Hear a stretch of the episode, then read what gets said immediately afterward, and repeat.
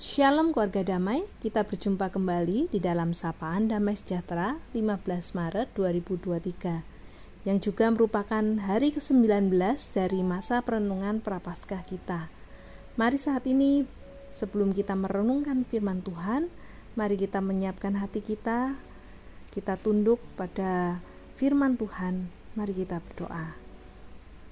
Tuhan Allah Bapa kami, Terima kasih jikalau pada hari ini sekali lagi kami dapat merenungkan firman-Mu.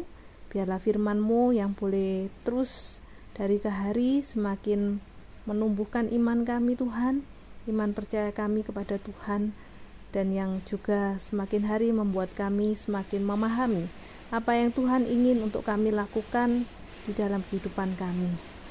Di dalam nama Tuhan Yesus kami berdoa. Amin.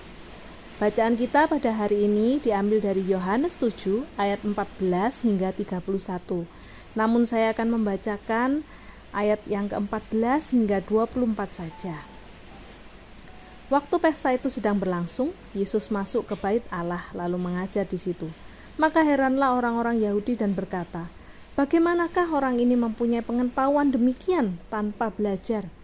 Jawab Yesus kepada mereka, Ajaranku tidak berasal dari diriku sendiri, tetapi dari Dia yang telah mengutus aku.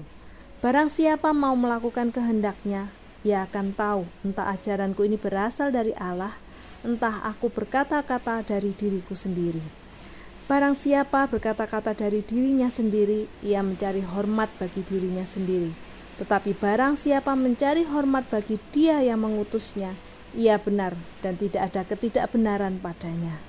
Bukankah Musa yang telah memberikan hukum Taurat kepadamu, namun tidak seorang pun di antara kamu yang melakukan hukum Taurat itu? Mengapa kamu berusaha membunuh aku? Orang banyak itu menjawab, Engkau kerasukan setan, siapa yang berusaha membunuh engkau? Jawab Yesus kepada mereka, Hanya satu perbuatan yang kulakukan dan kamu semua telah heran. Jadi, Musa menetapkan supaya kamu bersunat, sebenarnya sunat itu tidak berasal dari Musa, tetapi dari nenek moyang kita dan kamu menyunat orang pada hari sabat. Jikalau seorang menerima sunat pada hari sabat supaya jangan melanggar hukum Musa, mengapa kamu marah kepadaku karena aku menyembuh, menyembuhkan seluruh tubuh se seorang manusia pada hari sabat? Janganlah menghakimi menurut apa yang nampak, tetapi hakimilah dengan adil. Demikianlah bacaan firman kita pada hari ini. Keluarga damai yang terkasih dalam Tuhan, Suatu kali ada seorang yang berkata, "Saya paling benci dengan orang yang tidak konsisten." Namun, tidak sampai sejam setelah mengatakan itu, dia mengingat-ingat beberapa hal bahwa dia sudah jarang lari pagi, padahal dia sudah berkomitmen untuk lari pagi dua kali seminggu. Dia juga jarang berpuasa, padahal dia sudah berkomitmen akan lebih sering berpuasa, khususnya di dalam momen 40 hari Prapaskah ini.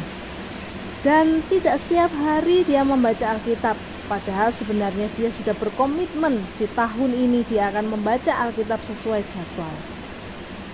Keluarga damai hanya karena dibohongi sesekali, ada yang berkata, "Aku paling benci dengan orang yang berbohong." Padahal seumur hidupnya dia juga cukup sering berbohong. Hanya karena seseorang datang terlambat, seseorang bisa berkata, "Aku paling benci dengan orang yang terlambat." Padahal, ketika dia sendiri berangkat bekerja, dia sendiri cukup sering terlambat. Keluarga damai, ilustrasi itulah yang mungkin menggambarkan apa yang ada di dalam bacaan kita hari ini. Ketika Yesus bersih tegang dengan orang-orang Yahudi tentang hukum Taurat, Orang-orang Yahudi itu berang karena mendapati Yesus menyembuhkan orang pada hari Sabat. Di mata mereka, yang Yesus lakukan itu melanggar hukum Taurat. Tapi pada kenyataannya, bukankah mereka sendiri juga sering melanggar hukum Taurat? Dan karena orang yang sakit itu butuh untuk segera disembuhkan, mestinya mereka dapat memahami bahwa yang Yesus lakukan adalah memberikan solusi, bukan sekedar melanggar hukum. Di nats yang kita baca hari ini pun Yesus berkata agar mereka mesti menghakimi dengan adil. Keluarga damai, mungkin itu juga yang sering terjadi di dalam kehidupan kita. hanya karena sebuah kesalahan yang dilakukan oleh orang lain, maka kita membenci orang itu. Padahal kita pun berpeluang atau bahkan kita sering melakukan kesalahan yang sama.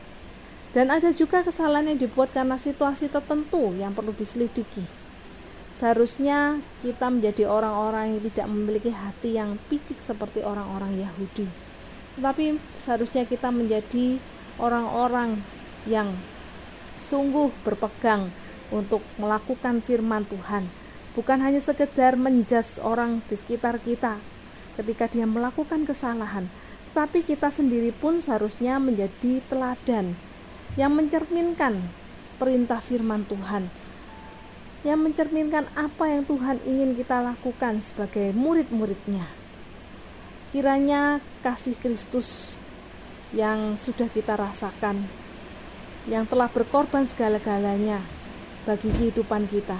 Itulah yang akan menjadi sumber dalam hidup kita untuk kita hidup di tengah-tengah tantangan zaman ini. Untuk kita hidup bersama di sekeliling orang-orang kita. Tidak hanya kita memandang atau mengingat-ingat kesalahan yang dilakukan oleh orang-orang di sekitar kita, tetapi kita menjadi orang-orang yang sungguh mengasihi orang lain. Dan kasih itu hanya bersumber dari Tuhan saja. Kiranya kita dimampukan menjadi pengikut Tuhan yang semakin hari semakin serupa dengan Dia. Amin. Tuhan Allah Bapa kami, kami bersyukur untuk firman-Mu yang boleh kami renungkan pada hari ini, yang boleh kembali mengingatkan kami Tuhan bahwa kami seharusnya menjadi murid-murid Tuhan yang hidup bukan berfokus untuk mencari-cari kesalahan orang lain atau untuk mengingat-ingat kesalahan-kesalahan kecil orang yang ada di sekitar kami. Tapi biarlah hidup kami boleh dipakai ya Tuhan menjadi hidup yang memancarkan kasih Tuhan yang menjadi teladan kami melakukan ajaran-ajaran dan perintah Tuhan. Seperti yang Tuhan ingin untuk kami lakukan sebagai murid Tuhan. Bahwa kami menjadi orang-orang hidup dengan bersumber dari kasih. Bukan hanya bersumber dari pandangan atau penghakiman dari pemikiran diri kami sendiri.